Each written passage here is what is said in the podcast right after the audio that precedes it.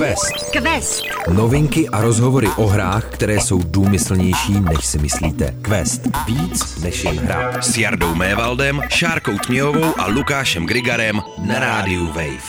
My jsme doufali, že v tomto díle questu to Šárka stihne.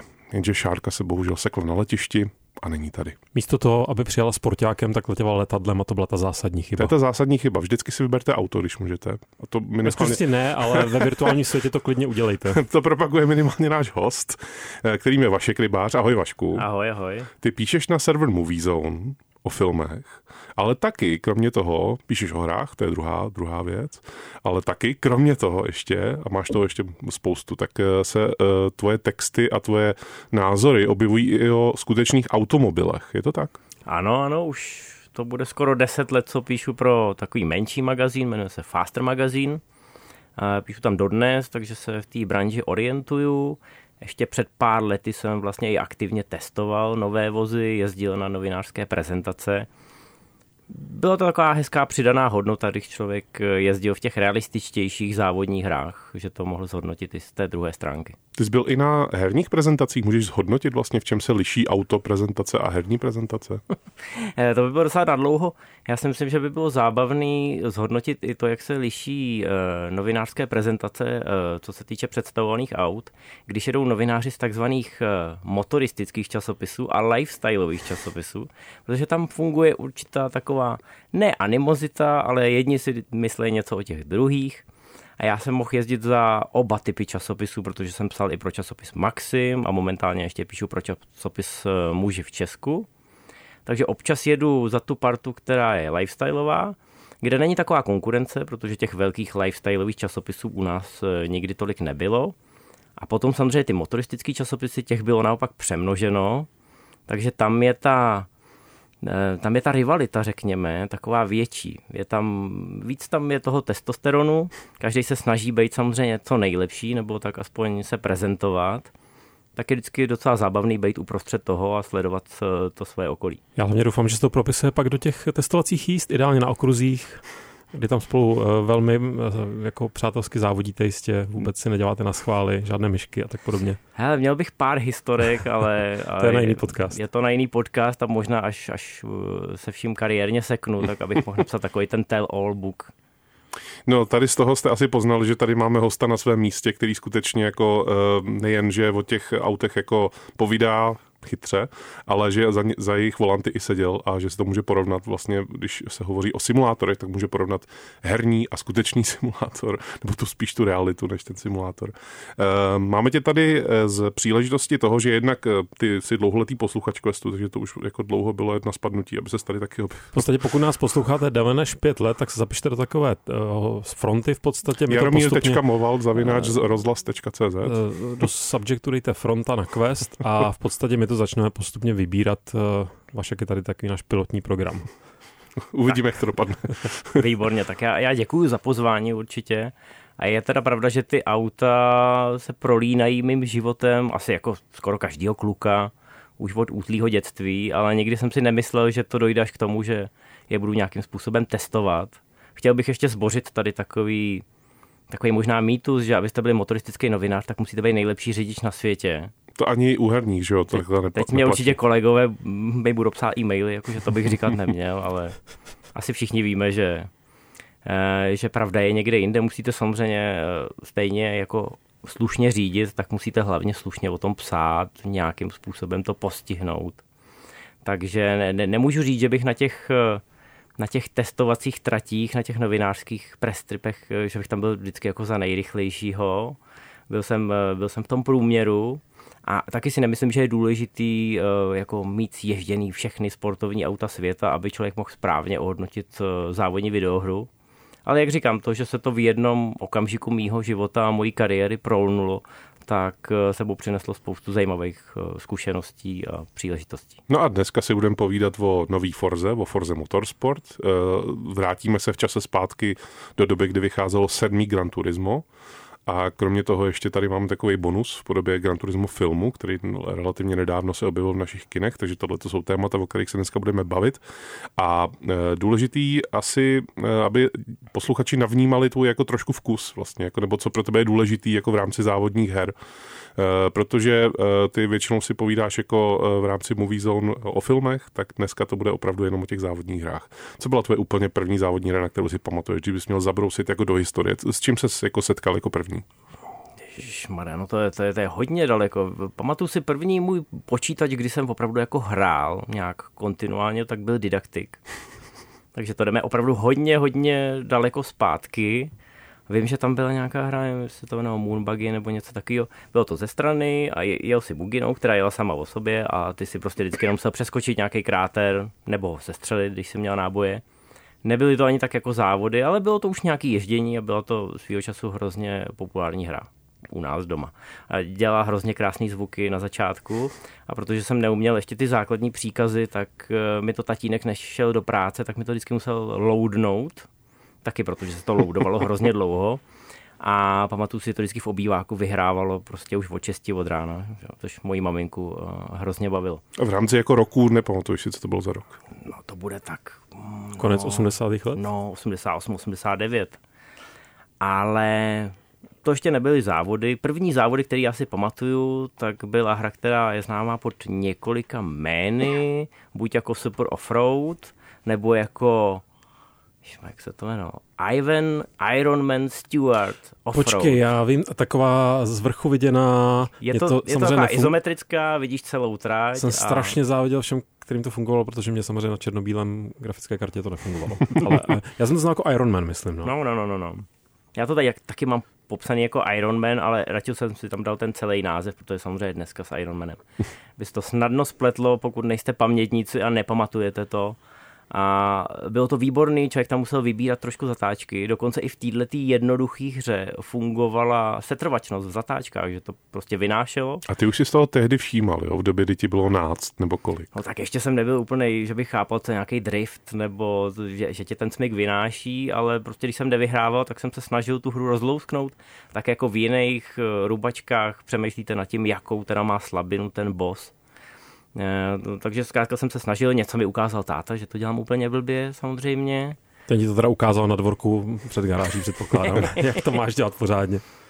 No, jako musím říct, že ano, jako každý, každý kluk v úvozovkách jsem řídil, jako když to šlo někde na polňačce, na klíně, ale v téhle době musím říct, že mě víc zajímaly ty, ty, ty závodní hry, než ty auta skutečný. Tam mě zajímala spíš ta estetika, a automobilové honičky ve filmech, ale neměl jsem ještě jako, já nevím, v 9, 10, 11 letech, tak neměl jsem úplně jako tu touhu hned si sednout do toho auta nebo jít někam drandit na motokáry, aby ze mě byl další Schumacher.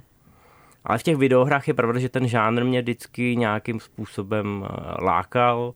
Bavila mě tenkrát Formule 1, protože to byly zkrátka zlatý roky Schumachera a těch velkých rivalit.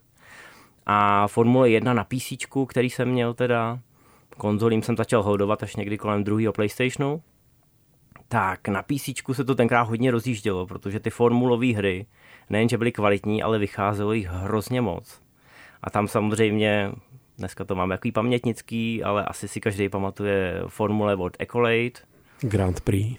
A potom samozřejmě začaly vycházet uh, ty Grammondovy hry v Microprose, ty, ty, ty klasický Grand Prix těch bylo několik dílů a ty už byly vlastně docela pokročilý.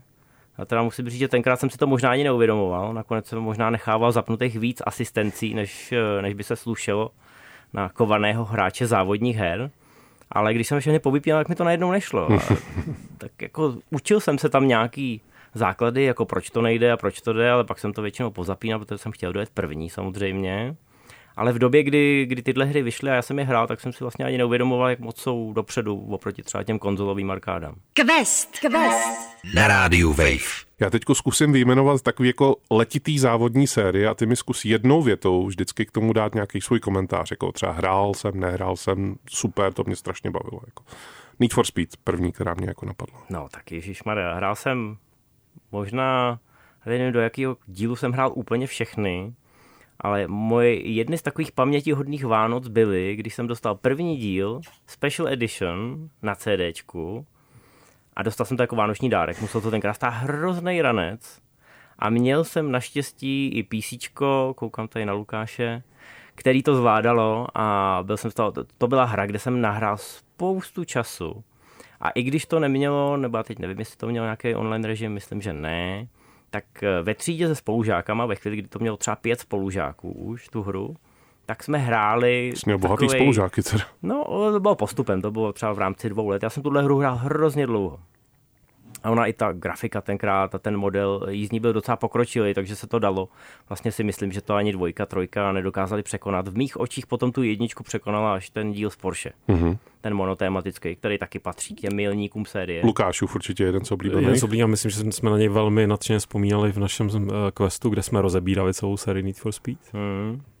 No, to byla trošku delší jedna věta. Jo, tak pardon. No, já, jenom, že tu, já jenom, že tu jedničku jsme hráli. Jednička, takže... jednička dobrá. No, no, spolužáci, vždycky jsme si určili trať a auto a pak jsme takhle jako soutěžili. Měli jsme takový offline turnaj, psali jsme si to do sešitu a na konci školního roku bylo rozdávání trofejí. To jsi docela jako výjimka, nebo já jsem to teda ve svém okolí rozhodně neměl, že by jako bylo víc lidí nadšených pro závodní hry. Většinou tam byl jeden jako nějaký trošku divný, který jako hrál ty závody, ale jako... Tak, tak to jsi ty výjimka, protože já si pamatuju ze svého dětství školního přesně, že jsme se u těch závodních her scházeli kde to nešlo nějak přímo v té hře organizovat ty turnaje, tak se to přesně někam zapisovalo bokem. Samozřejmě hrozně populární, tam se podle mě zase tak nerozlišoval, jestli hrajeme Need for Speed nebo Wacky Wheels, to znamená motokáry se zvířátky, které po sobě metají nějaká, jako, nějaké zbraně, ale že tam já jsem, tam jsem naposledy pořádně hrál jako soutěživě s dalšími lidmi, pak jsem se zavřel do, toho, do té své jezevčí nory a už si hraji ty hry sám.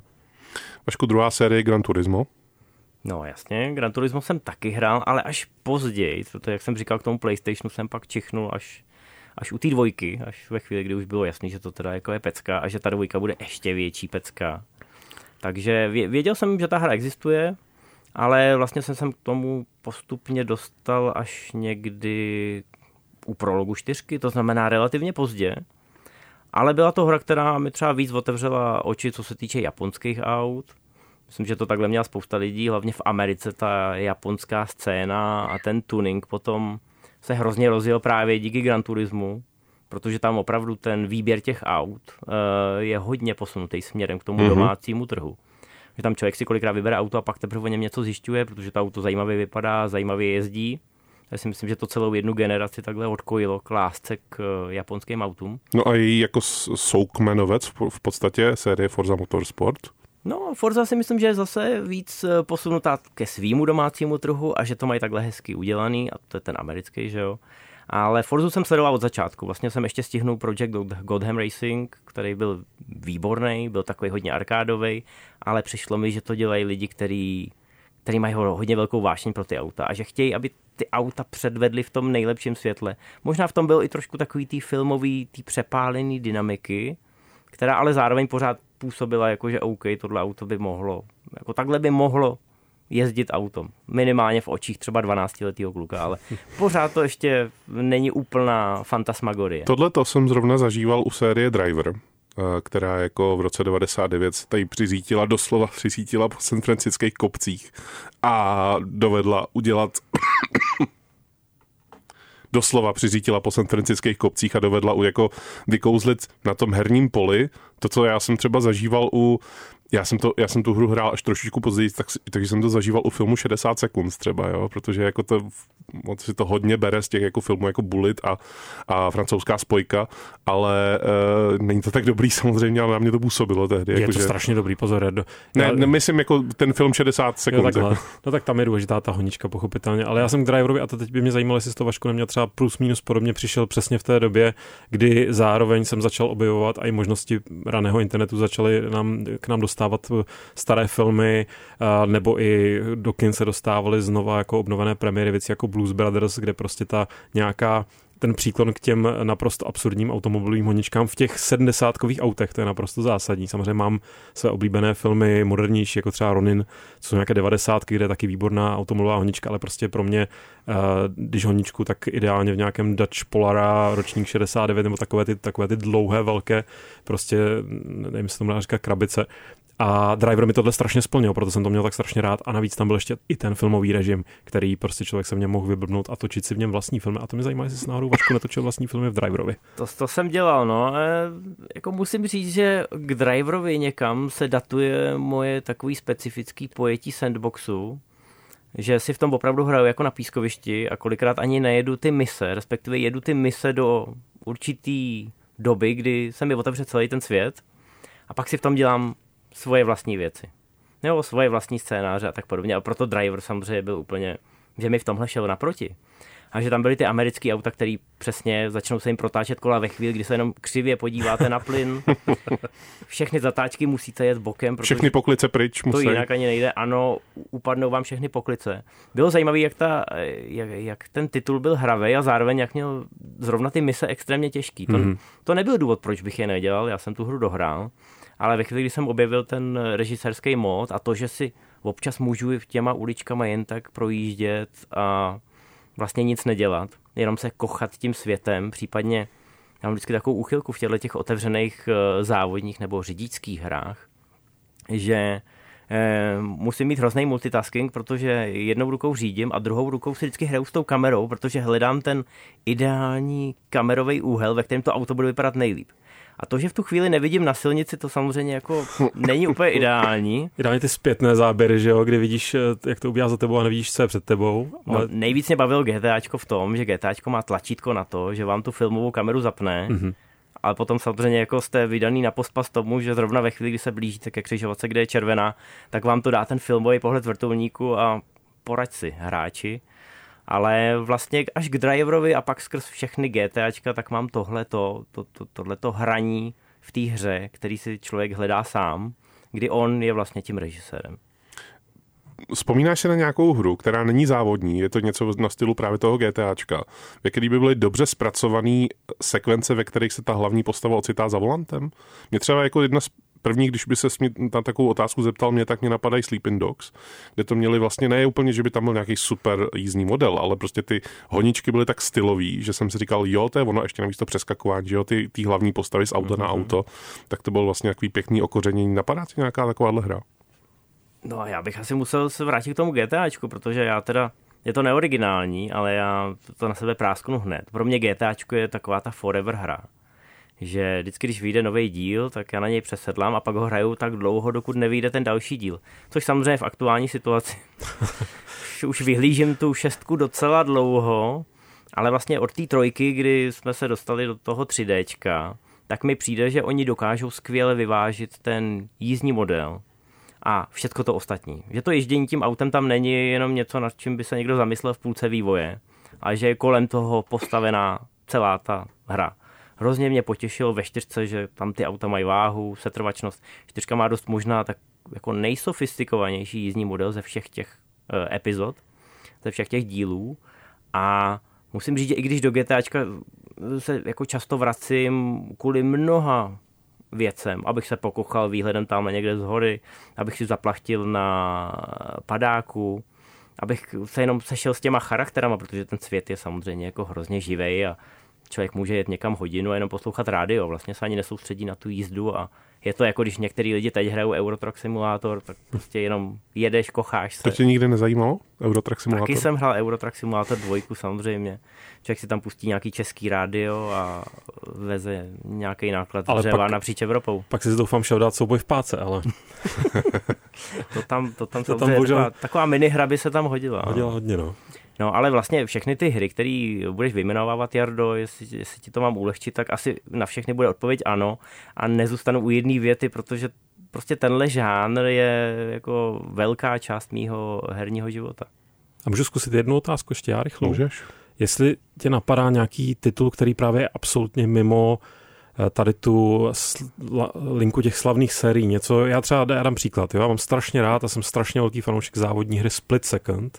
Považuji za jednu z nejlepších závodních her, kdy stvořenou ale nikdo to moc nezná, nikdo to moc nehraje, z nějakého důvodu to propadlo, asi není tak dobrá, jak přijde mně. Ale jestli nemáš nějaký takový svůj, nemyslím guilty pleasure, prostě pleasure, o kterém my třeba nevíme, nebo by ho nemuseli znát posluchači, posluchačky. A já něco, něco mám, ale teď nevím, jestli si budu potom správně název. Možná se detektivně dostaneme k tomu, mm-hmm. možná jako vy dva jste, eh, máte encyklopedické znalosti. Já da určitě. Já už tady, už to hledám. Myslím, že se to jmenovalo Scorched, ale nevím, jestli se to jmenovalo Scorched. Byla to taková koule. Uh, Scorcher. Scorcher. Tak, výborně. Závodní koule. Byla to taková koule, vlastně mohl si s ní skákat a, a jel si takovou, až bych řekl, fotorealistickou tratí. Vzhledem k tomu uh, random názvu to můžete najít podle toho, že to dělal tým Scavenger. Hmm. A to, to byla hra, která mě svého času hrozně chytla. Ale vlastně nevím, je, je to závodní hra svým způsobem, ale vlastně nevím, jak bych pojmenoval to, s čím tam člověk závodí. No, taková jako velmi futuristická koule, ve který je trouhelník, který se furt otáčí dokola. Jako no. Ta, já si na tu hru pamatuju, ona tehdy vycházela na Segu Saturn, až potom se dostala na PC, ale uh, musím říct, že teda mě to úplně minulo. Já jsem tehdy jako měl línio favorita, u kterého jsem jako trávil hodně, hodně hodin a to byla Sega Rally, uh, hmm, která jako uh, mě dokázala zaujmout jenom čistě to jako frenetickou arkádovitou hratelností. Pak když jsem zkoušel toho jejího souputníka, což byl Screamer na PC, hmm. tak to jsem si říkal, eh, jako to mě, to mě prostě nebaví tolik, jako ta Sega Rally, proto nechápu, proč bych to měl hrát. Ale jako je pravda, že já jsem jako zkoušel strašně moc těch sérií, jako Toku jsem zkoušel. Zkoušel jsem um, samozřejmě ty F1, tebou zmíněný, z těch jako totálně arkádovitých závodních her, samozřejmě mikromašiny, Ignition a podobné jako věci z těch 90. let, pak z toho nového tisíciletí, jako tam už jako to hodně válcuje ta, to Gran Turismo a ta Forza, a pak samozřejmě jako do toho tebou zmiňovaný jako Project Gotham Racing a spoustu dalších her, Split Second Blair, ten jeho souputník zase. A nejlepší, jako ale samozřejmě Mešt. Mešt, jako, to si myslím, že stojí někde úplně ještě mimo, jako tohle. To, to je něco, opravdu... mezi, něco mezi Micro Machines a Iron Manem ve skutečnosti, podle mě. A akorát je to uh, fakt nejlepší her všech dob. Mhm. No.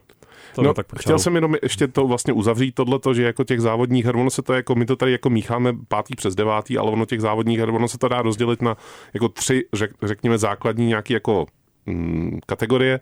Realistické hry, to znamená ty, které se snaží jako uh, nějakým způsobem simulovat opravdu tu realitu arkádové hry, to znamená ty, které jako vycházejí z e, nějakého reálného předpokladu, to znamená auta jezdí na silnici, ale jako ne, nejsou tam dodržovaný třeba úplně fyzikální zákony, nebo tam jsou i nějaký bonusy k tomu přidaný, Wipeout třeba, to nejsou auta, OK, ale nějaká trať tam je.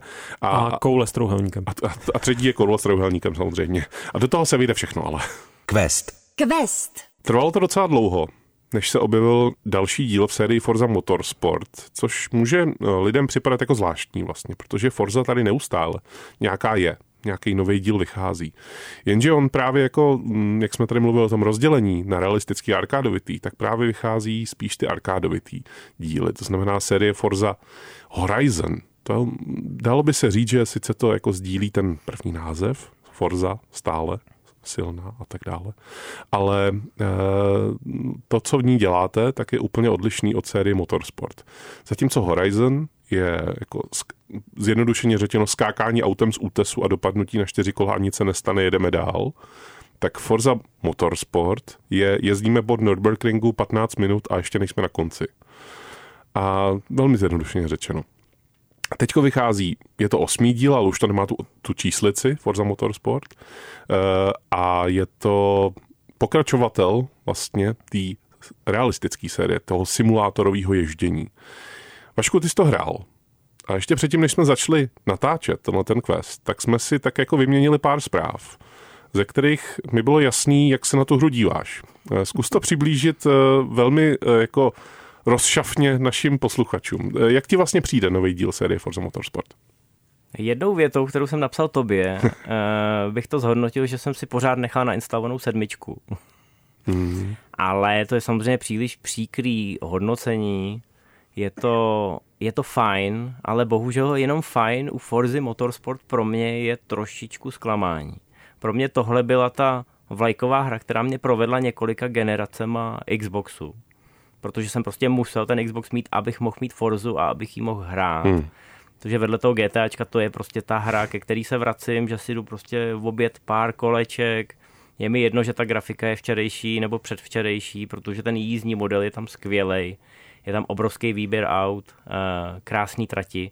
Aspoň to platilo o těch dílech 3, 4, 5, 6, který byly nasekaný hrozně rychle. To bylo v době, kdy Gran Turismo trošku zpomalovalo. A naopak tady Turn ten se hrozným způsobem rozjeli. A hlavně mně tenkrát přišlo, že zatímco ty Japonci jsou takový specifický, já vím, že to je kliše říkat, že jako Japonci dělají věci jinak, ale já jsem cítil v Gran Turismu tu lásku k těm autům, ale byla taková jiná, než ji vidím v amerických, v hollywoodských filmech, které jsou o autech, nebo vůbec v západní kultuře. Prostě to takový, to bylo takový utilitární, trošku jako studený čumák. A do toho prostě vrazili ty američani a myslím si, že to i hezky vystihli v těch intrech vždycky, že, že tam prostě říkali jako, hele, podívejte, ta doba, ještě, ještě k tomu vlastně si při, přizvali jako parťáka Jamieho Clarksona, který v té čtyřce, teď nevím, jestli je to reklamní spot, nebo je to přímo intro, a vysvětluje Myslím, tam... že to je intro. Vysvětluje tam, podívejte, dnešní doba už je prostě plná omezení, už jako nemůžete s tím autem jet, jako jste viděli ve filmech nebo už, na už nemůžete trati. dojet do savany uprostřed skuteční Afriky. Jak, jak to? Kde se, kde se stala chyba? Přesně, ale v obýváku vám to ještě všechno dovolíme. V obýváku je ten ráj pro skutečné řidiče. Eh, Když nastartujete novou Forzu Motorsport, tak tohle všechno zažijete bez omezení a bez nějakého filtru. A hrozně mi to bylo sympatický, jakým, jakým směrem to jde. A ta hra byla přístupná, že vlastně ve svém základu to byla taková maskovaná arkáda. Dalo se tam krásně jezdit bokem ze zatáčky do zatáčky. Eh, Člověk velmi rychle i na gamepadu získal cit pro to auto a byla to zábava. Byla to neředěná zábava a pak, když člověk jednu po druhý vypnul ty asistence, tak to pořád byla zábava, ale už se člověk něco naučil. Už tam byla prostě nějaká ta křivka. Myslím si, že to tomu člověku něco dalo. Určitě ne tolik, co potom Gran Turismo, který rozjelo nějaký svůj program toho, že hele, když budete dobrý hráči, tak máte šanci si sednout i do opravdového auta. V rámci GT Academy. v rámci GT Academy. A poslalo to tu zprávu, jako my jsme ty, co to berou vážně, my jsme ty sofistikovaný, blíž k tomu simulátoru, my vás připravíme na to, aby v tom opravdovém autě jste předvedli, co jste se naučili tady na virtuálním kolbišti. Což bohužel teda spousta lidí, která jela na Nürburgring, vzala do slova a jsou tam rozvěšený do dneška po kandelábrech. Já vím, že když si půjčuješ v zeleném pekle na Nordschleife, když si půjčuješ auto tam, protože tam si můžeš půjčit třeba takový trošku předělaný Suzuki Swift s ochranou klecí. A vždycky, když tam přijdeš, tak první otázka je, jestli si hrál Gran Turismo a jestli si prostě trénoval na virtuální trati. A když řekneš, že jo, tak kromě toho, že si řeknou o větší zálohu, eh, tak ti dají nejpomalejší auto samozřejmě. Dělám trošku legraci, Jasně, ale... ale vystihuje to asi ten trend. ale myslím si, že si to během těch rychle nasekaných dílů velmi rychle eh, získalo svoji fandovskou základnu a možná i ten respekt od těch novinářů, protože těch aut tam byla spousta, ale vizuálně i zvukově to bylo skvělý. A ten jízdní model eh, si myslím, že přived spoustu lidí eh, k tomu žánru opakovaně. No, já se musím přiznat, že eh, s přechodem na předchozí generaci konzolí, to znamená na konzoli Xbox One, tak Forza Motorsport 5 mě opustila. Jako co se týče toho, že mě vlastně, no, mě bavilo jezdit ve Forza Motorsport 3 i 4, ale nebavilo mě závodit ve Forza Motorsport 3 a 4. Znamená jako poměřovat se, být ten nejlepší vlastně v rámci nějakého jako peletonu. Ale bavilo mě si to jako občas zapnout a chvilku tam jako drandit a jako být třeba osmej a vůbec mi to nevadilo. Zatímco u té Forza Motorsport 5, 6, 7 a teď bohužel musím říct i 8, protože já jsem tu hru taky hrál, tak eh, já jsem doufal u každého z těch dílů, že to bude ta hra, u který strávím tak jako rok, dva, ale ne kontinuálního hraní, ale takového jako velmi nárazového hraní, že si to opravdu pustím jednou za, ani ne týden, třeba jednou za měsíc a budu rád, že to jako vypadá pěkně, dobře se to hraje a tak dále, a tak dále. Zatím se to nepovedlo. Hmm. Nepovedlo se zreplikovat vlastně tu, tu atmosféru nebo ten jízdní nějaký, to není ani jízdní model, protože ten jako ten v, podstatě furt stejný, pořád je realistický, ale uh, nějaký postup v režimu kariéry mi tam asi nejvíc chybí. To je jako to, co vlastně mě tam jako u toho vždycky nejvíc drželo, protože Forza, zejména teda trojka a čtyřka to pak převzala vodní, měla skvěle vyváženou tu kariéru. Tam v podstatě člověk si mohl vzít úplně libovolný auto a jako ta hra se mu přizpůsobila, protože ona si vlastně vzala, ta hra si vzala jako reakci na vaše auto, na váš výběr. A Oni to pak jako samozřejmě přejeli dál a dál a dál, ale ta kariéra z toho jako velmi vyvanula a bylo to v podstatě jako sled závodu za sebou a nevím, jestli to je úplně pro mě to nejlepší. To je velmi můj jako specifický pohled na to, nevím, jaký je tvůj. Co od toho vlastně čekáš ty? Mně přišlo u šestky a u sedmičky. Uznám, že sedmička byla taková, jakoby, ne narychlo spíchnutá, ale dobře je to takový facelift šestky, tak jako v automobilovém průmyslu, když děláš facelift. A není to nová generace modelu, ale všechno je tak nějak lepší, modernější. Tak tu sedmičku jsem měl nainstalovanou hodně dlouho Trošičku i proto, že se do sedmičky vrátili Poršáky. To, to bych teď musel jako odbočit na 20 minut, abych vysvětlil, proč dřív byly Poršáky jenom v jedné herní sérii, která si je syslila pro sebe. A možná spíš, proč jsou pro tebe tak důležité? Protože to jsou Poršáky, Lukáši, a Poršáky jsou nejdůležitější. I pro mýho syna teď, protože my bydlíme v Ženevě a tam, když jdeš do školky, což je pětiminutová jízda autem, tak potkáš 20 Porsche. Takže já mám pocit, že aniž bych se já jakkoliv snažil a kupoval mi angličáky Porsche, mm-hmm. nebo s ním jezdil do dealerství Porsche, který tam je a je nádherný, plný limitek, tak to vlastně ani nemusím, protože on je vidí všude kolem sebe a, a vyrůstá v tom, že teda Porsche je to auto, co chce. Ty jsi říkal, jestli by ten mezinárodní autosalon si mohl by přijet za tebou a ty, on řekl, že ne, tak ty jsi musel přijet za ním do Ženevy, že? Je to tak a zrovna když jsem přijel, tak je pěti, pětiletá pauza a snad konečně teď na jaře se bude konat, tak tam budu moct vzít dítě a budu mu ukazovat, hele, Porsche, Porsche, Porsche. ne, to si dělám legraci samozřejmě, ale... Ty mu řekneš roof, roof, roof. To je takový vtip pro, pro, pro nás dva Já asi. jsem rád, že se dobře bavíte. In, inside baseball. Ale ta, ta sedmička mi přišla, i když to byl pouhý facelift od té šestky, takže je to vlastně ta hra v nějaký vrcholný funkci. Když pominu, že tam byly na začátku nějaký kontroverze e, s tím systémem odměn a s nějakým grindem a spousta lidí nevěřila těm drivatarům, to je prostě takový systém jo, tak eh, vlastně co se týče toho zpracování, závodění, vizuálu, optimalizace na PC, musím se přiznat k tomu, že sedmičku mám už na PC, protože nemám teď, jako, nebo ještě nedávno jsem neměl jako tu nejnovější generaci konzolí, takže jsem to všechno řešil takhle přes PC a byl jsem rád, že to Microsoft vlastně umožnil, tu, ten, tu cross-platformu. Tak tu sedmičku jsem hrál ochotně, ale ano, jel jsem si tam zazávodit, my většinou, většinou jsem to dělal tak, zase to dě, dětko z toho pískoviště, že jsem si vyrobil ten vlastní závod. Kariéru jsem odjel jednou a už jsem se k ní vlastně nevrátil. A pak jsem si vždycky prostě nastavil trať, trať kterou chci, počet kol, který chci, protivníky, který chci. To tam podle mě ty nástroje jsou poměrně slušný. Uznávám, že to je velmi specifický a osobitý způsob užití té hry, ale vlastně mi vyhovuje. Vyhovuje mi to jako taková platforma, do které si jdu zazávodit, protože nemůžu závodit na těch ulicích, zvlášť teda ve Švýcarsku, kde jsou rychlostní kamery všude. A nechce se mi přitom nedodržovat pravidla. Mohl bych si zahrát nějaký simulátor, ale to je moc práce v úvozovkách. Když máš zrovna v tom pracovním dni 10-15 eh, minut a chceš si takzvaně odpočinout, tak je pro mě Forza ten zlatý střed mezi, to, mezi tím simulátorem a tou arkádou. Furt? Ještě i u té osmičky? No u té osmičky moc ne, teď spíš mluvím o té sedmičce, ta osmička je ještě hodně čerstvá. Jo, ale to, to, že prostě Forza byla ta simkáda a že se k ní ještě objevil ten Horizon, který už je teda víc do té arkády, tak to mi vyhovovalo, ale netušil jsem, že v té osmičce, na kterou jsme opravdu čekali hrozně dlouho, že dojde k tomu rozdělení, že, že se ta propast víc otevře a že ten Horizon bude ta odpočinková hra, o který teď jakoby mluvím, že je ten můj ideál. A že ta základní Forza, ten motorsport, se v tom rebootu posune někam, kam vlastně asi jako úplně za ní nechci. Jo, že se osekala spousta věcí, které mě na tom bavily a které mi dávaly nějakou svobodu a flexibilitu přizpůsobit si tu hru obrazu svému, hmm. takzvaně. A tady se doptám já jako laicky, jestli tím teďka mluvíš o tuningu aut nebo o těch jízdních režimech. Jo, co si pod tím představit, když říkáš, že to je osekáno? Je to v podstatě to, co říká Jarda, že ten režim té kariéry, on teda říká, že už mu vadil předtím, ale myslím si, že teď je to posunutý ještě o notný krok dál.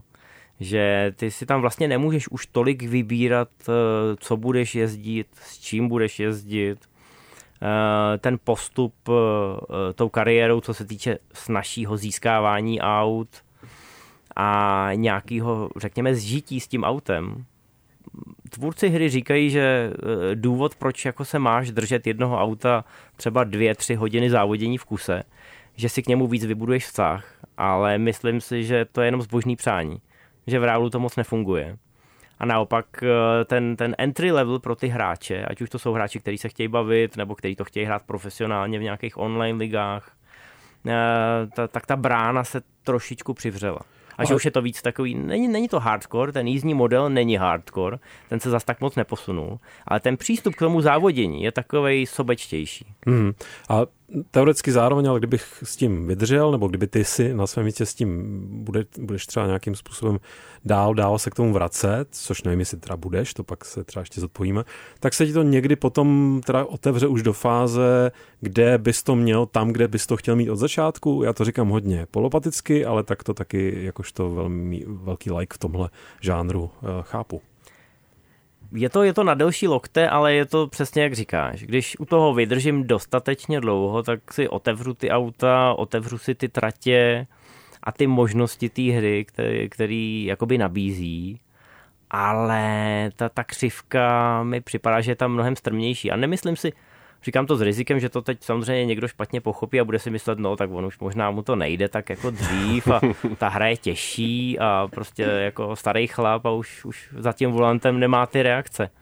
Ale není to tak černobílý, možná Jarda mě bude chtít doplnit. No chci tě doplnit v tom, že uh, já jsem nad tím přemýšlel jako, já jsem takhle, já jsem, to je možná nedalší část tohoto questu. Quest. Quest. Na rádiu Wave. Já jsem tu minulou část ukončil takovým cliffhangerem, eh, ne teda, že by tady Sylvester Stallone tady slaňoval eh, z nějaký hory a rozbil tady vrtulník do, do skla, ale uh, říkal jsem, že u hraní Forza Motorsport 8 jsem, no, no to není 8, ale je to 8 Forza, tak že jsem uh, měl takovou větší filozofickou debatu nad tím, proč vlastně jako já hraju závodní hry a proč se mě na nich baví a co vlastně mi na nich chybí, hlavně teda jako z posledních let. A to teď mluvím jako o Forze, Motorsport sérii, tak o Gran Turismo sérii. Chybí mi nějaká, a teď jsou to takový asi tři nějaký jako nejdůležitější věci. Chybí mi ta kariéra, to je první věc. Eh, je to možná bizarní, protože jako formálně je to stejný, jako když uh, mluvím o tom, že Gran Turismo 1 a 2 doteďka mají nepřekonaný kariéry. Proč to je? Je to proto, že já si vlastně vybírám sám, jaký vozidlo, vlastně jaký vozidlo si koupím a jaký, s jakým vozidlem pojedu na tu trať. Uh, možná je to i nějakým jako uh, stylem toho, co se snaží ty hry vlastně dělat za prezentaci, protože prezentace Forzy i Gran Turisma je teďko extrémně vážná. Taková jako nabubřelá skoro až, že jako uvádí to taková velká symfonická kakafonie prostě nějakých zvuků, který mají působit epicky, prostě a, tu, tu, tu, a najednou prostě se tam jako rozhrne ten závěs a za ním je to úžasně nablejskaný auto, ta kamera takhle jako jede po té karosérii nahoru, teď jako přejíždí do, do toho zadního zrcátka, wow. Já, já ty chceš svoje sportáky prostě civilní, jako my Přesně, všichni. jako já to chci jako úplně extrémně civilní, já chci prostě, aby tam spadlo to auto, teď se začalo točit na tom podstavci. Ty chceš street rod. No ne, já chci, jako, já chci, aby ta závodní hra nebyla tak strašně zahleděná sama do sebe, což to Gran Turismo, tomu se to stalo už jako x let zpátky. To jsem právě, že kouzlo do Gran Turismo. No právě, že to nebylo v, tomhle, tom, v té sérii, on se to z toho stalo mm-hmm. a jako v první chvíli, když se to stalo, tak to bylo ještě dobrý, protože to vlastně bylo pro tebe něco novýho. Ale pak už jako když to já nevím, jestli to je úspěšný, totiž jako skrz tohleto. Já si myslím, že ta úspěšnost těch závodních her už se počítá na něco jiného než na nás, jako by na ty lidi, kteří chtějí tu no, kariéru. Zase, kdybychom to počítali na natočené celovečerní filmy, k tomu se ještě dostaneme. ne, já, já myslím, že Jarda má dobrý podotek, protože ta kariéra čím dál tím víc připomíná i, i, i tím grindem a tím, jak tě to vodí za ručičku jako a teď si, teď si budeme závodit v rallyových eh, speciálech 70. let. Žádný auto z téhle garáže nemáte, ale máte nějaký peníze kupte si ho. Máte tady na výběr ze tří, ale musíte si jedno z těch tří vybrat, i když k němu nemáte žádný vztah. Tak to trošku zavání takovým prodlouženým tutoriálem. Jo, že aby, aby si mohl jezdit tak, jak chceš, tak musíš vygrindovat desítky hodin na tratích a v autech, který zrovna v tu chvíli nechceš hrát, ale máš tu incentivu v tom, že ti to otevře to pískoviště, kde se pak můžeš vyřádit. Takže abys mohl hrát tak, jak chceš, tak musíš hrát tak, jak nechceš. To nezní úplně lákavě. A ono ještě vlastně u, toho, u těch prvních dvou, možná prvních čtyřech dílů Gran Turisma teda, se o tom mluvilo jako, že to je CarPG takzvaně. To znamená, že vy jako začát, začátečník se opravdu level 1, který má jako hluboko do kapsy, může, může si dovolit auto z druhé ruky a s tím vlastně musí vyhrát pár prvních závodů. Představuje si vlastně, ono to tam nikde není jako takhle řečeno, ale představuješ si, že jsi ten jako hobík, který prostě si objíždí ty jako víkendový, ono to se to jmenuje Sunday Cup vyloženě, a ty víkendový závody výhody, že si někde doma prostě v garáži openčováváš tu svoji oktávku, kterou prostě jako vě, občas jí vyvezeš prostě na nějaký jako závodek a tam vyhraješ pět tisíc korun prostě.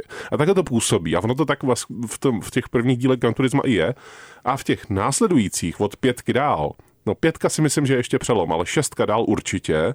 A od Forzy, to je, já to počítám od toho pátého dílu, tak to je v podstatě jako takový trichtýř, kterým vás to nutí projít, abyste jako na konci z toho jako buď nevylezli vůbec, protože se někde zaseknete v tom trichtýři, a nebo vylezete na konci a úplně zapomenete na to, co jste hráli předtím, pustíte kolonku multiplayer a navolíte si tam, co chcete hrát vlastně. A osmička má nejužší trichtýře, to chápu správně. Z mýho pohledu jo. K tomu není moc eh, co dodat, no.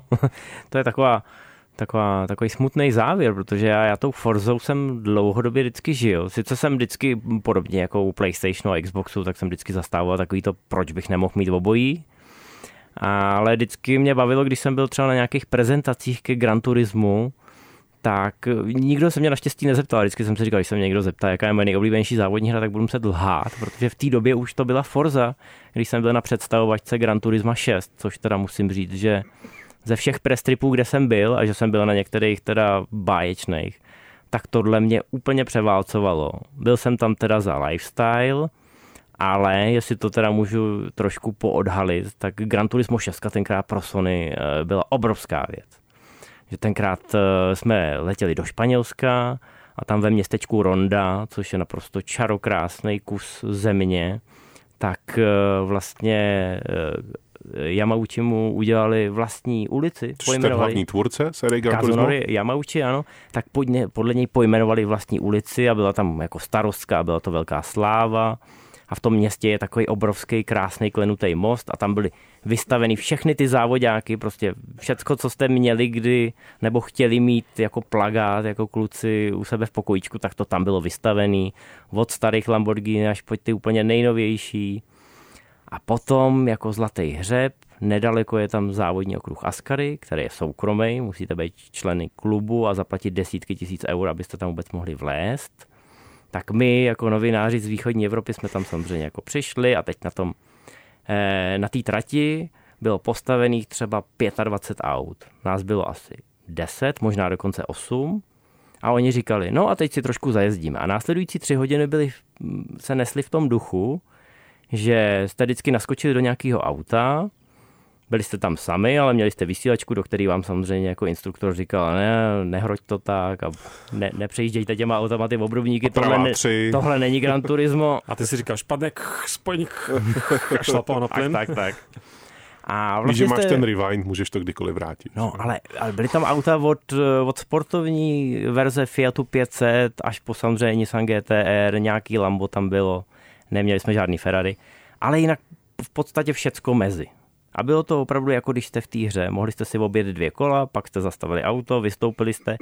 A když tam stálo zaparkované nějaký jiný auto, což bylo, protože aut bylo třikrát víc než lidí, tak jste skočili do jiného auta a jeli jste další dvě kola a takhle do kolečka tři hodiny, což je teda jako sen. To zní jako zažít, splněný sen. Zažít to naživo. Ale zároveň teda mi to přijde, že to v podstatě potvrzuje to, co já jsem říkal o těch závodních hrách, jsou super nabubřelí, protože jako přesně tohleto jako stělesňuje vlastně pozici Kazunori Yamauchiho v rámci Sony. Že jako on dostane cokoliv a udělej si cokoliv a dělej na tom 27 let klidně. A víš, co to Jardo ještě stělesňuje? Taky to stělesňuje, že je dost super, když není žádný trichtýř a je tam dost aut pro všechny. A ty si sedneš do toho, jak do jakého chceš a jedeš si, jak chceš. Ano, ano. A tohle byla doba, kdy, kdy se ta série Gran Turismo opravdu rozmáchla mnoha směry. Začala tam užší spolupráce s automobilkama, to znamená, že automobilky si mohly vymyslet virtuální auto, který se samozřejmě mohlo i spírat v případě eh, některých firm. Byla tam spolupráce s Red Bullem, myslím, kdy se to vyloženě spínalo fyzikálním zákonům, ale OK, uděláme auto, který může jet bambilion kilometrů a má přilnavost. A křídla. No, ono v podstatě mělo křídla, ono to byl takový jako prototyp formule pro rok 2040, asi nemůžu Přesně tak, měl křídlo, ale Měla křídla, ale paradoxně Lukáši měla maximální přilnavost, to znamená, mm-hmm. že to, to auto mohlo překonat rekordy na většině tratí a často třeba ne o sekundy, ale o minuty. Takže to byla trošku fantasmagorie. Ale většina těch tradičních automobilek to pojala eh, podstatně realističtěji a postavili třeba model, který upozorňoval na jejich budoucí designový jazyk. Eh, byl to způsob, jak si ne zadarmo, ale třeba prostřednictvím toho, že zaměstnáte na půl roku nějaký svůj juniorský designový tým, eh, udělat promo za rozumný peníze, který bude rozeslaný do eh, konzolí po, po celém světě. No a to se z toho stalo vlastně tohleto, jako promo na auta, dá se říct, jakoby, ale jako bez, bez jakýkoliv vlastně nějaký, nějaký nadsázky jako v tomhle tom, jo. To už není jako pro mě, aspoň teda, teď budu hovořit jenom za sebe. Není to závodní hra, je to v podstatě jako přehlídka aut, který mají vypadat co nejlíp, mají být na, a to mě, to je druhá věc, jak jsem mluvil o těch třech věcech, tak druhá věc je to, že to neustále, jak Gran Turismo, tak Forza, se neustále odehrávají na těch stejných tratích, které jsou samozřejmě jako podle skutečnosti, a já už na nich závodím 25 let, protože prostě v těch závodních hrách už taky mám něco odježděno. A už si říkám, ne, prosím, už ne.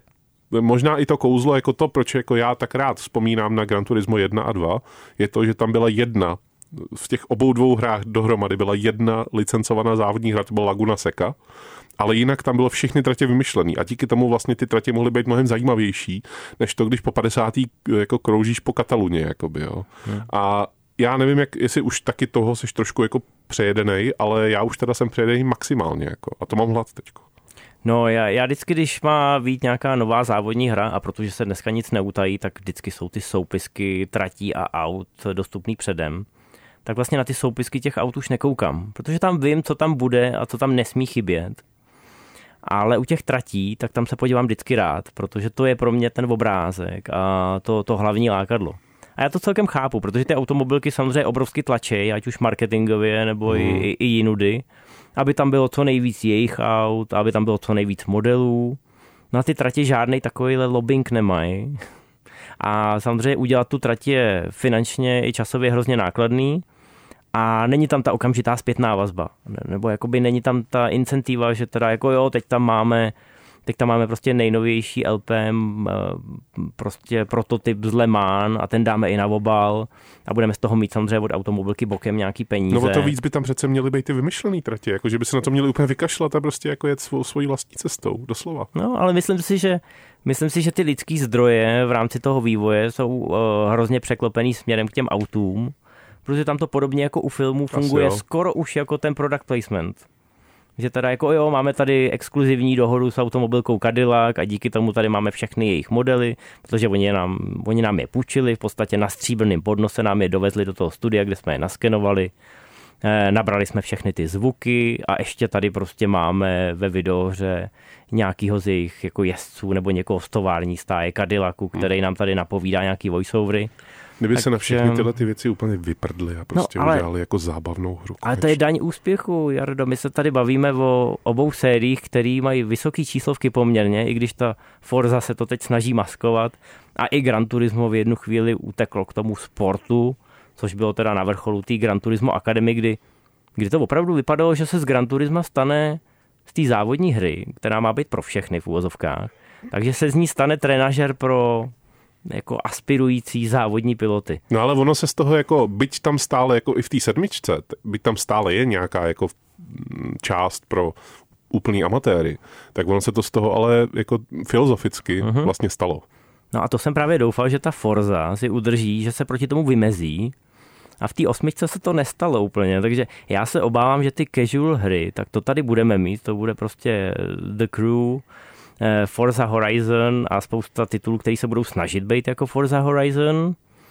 A vedle toho, tyhle ty tituly, ať už to bude to hlavní Gran Turismo a hlavní Forza, tak se budou muset snažit asi převzít to žezlo těch v úvozovkách simulátorů, protože my tady máme celou řadu takových jako nezávislých indie simulátorů, co jsou hardcore, ale všichni víme, že vyvinout takovýhle projekt je neuvěřitelně nákladný stejně jako ho udržovat. Takže i ty tituly, které jsou dneska hraný a mají třeba i nějaký profesionální ligy a o peníze, tak eh, jakoby udržet je, zbavit je všech těch bugů a přidávat tam nový obsah tak, aby to vyhovovalo třeba i těm, kteří teda nevyhlížejí tu nadcházející neděli proto, že budou online závodit o desítky tisíc dolarů, ale chtějí si jenom zajezdit, tak je neuvěřitelně těžký. Takže já, já si myslím, že asi nezbyde tomu Gran Turismu a překvapivě pro mě Forze, než eh, po tomhle sáhnout a tuhle tu skulinu vyplnit. Jak říkám, u toho Gran Turismo oni, oni, oni se nějakým způsobem dostali k tomu Gran Turismo Sport tím, že měli tu Gran Turismo Academy. Hmm.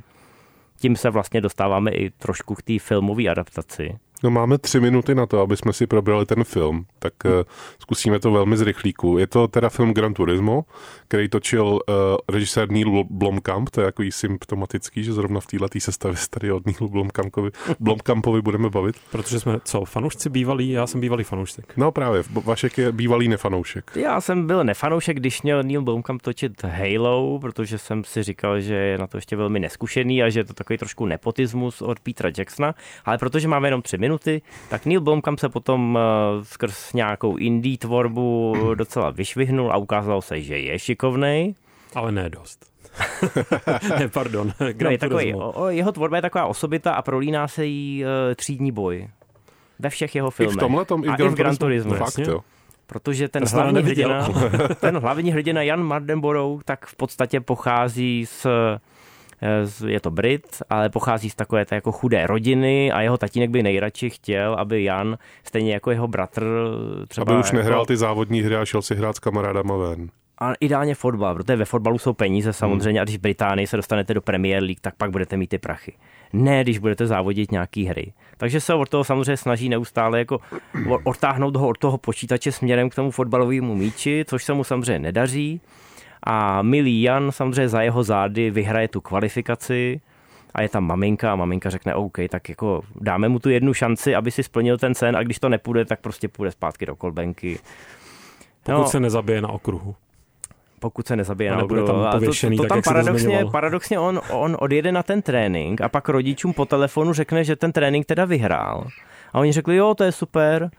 A pak vlastně ty rodiče tam nevidíš většinu filmu a to on už závodí a závodí jako v rychlých autech pom, poměrně dost blízko těm eh, retardérům a těm stěnám a jako nikde tam nevidíš ty, ty rodiče. Ty jsou prostě úplně někde mimo obraz, protože ten film má omezenou stopáž a snaží se jakoby dostat eh, do toho děje spoustu... Ten reálný příběh vlastně toho. No, je, je reálný příběh, ale je v podstatě takový zrychlený, místama je trošku přeházený, aby to samozřejmě sedělo. Jasně nikdo vám ne, nevysvětlí, že Jan Mandenborg vlastně nebyl první, historicky první vítěz Grand Turismo Academy, ale vlastně je logický, proč si vybrali tenhle příběh. Nejen proto, že Neil Blomkamp má rád třídní boje a jako vzestup těch podvraťáků nahoru, trošku jako v Rokim, ale protože to zkrátka dává smysl z hlediska nějakého dramatu a z hlediska toho děje.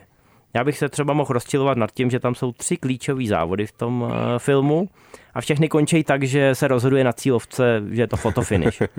A řekneš si, takhle to přece v reálných závodech nefunguje a vlastně je to i docela nuda, že to třikrát zopakujou na, na ploše jednoho celovečeráku. Palec nahoru nebo dolů? Ale ev- evidentně producenti si prostě řekli, chceme to mít takhle, chceme to mít pro co nejširší publikum a ten Blomkamp to dokázal nějak vyvážit. Takže za mě je to palec nahoru a podle mě zásadní zásadní devíza toho filmu je, že v Gran Turismu existuje nějaká Gran Turismo Academy. A na základě toho to udělali. Na základě toho, že ty piloti, kteří se tam dostanou, jsou prostě mladý vyukaný děcka, který ve chvíli, kdy jsou nejrychlejší v té hře, tak najednou to musí prokázat eh, v tom reálu. A stojí proti těm ostatním pilotům, který třeba od tří let dřeli na motokárách a teď jim tam přijdou nějaký dacani z videoher a myslí si, že budou lepší.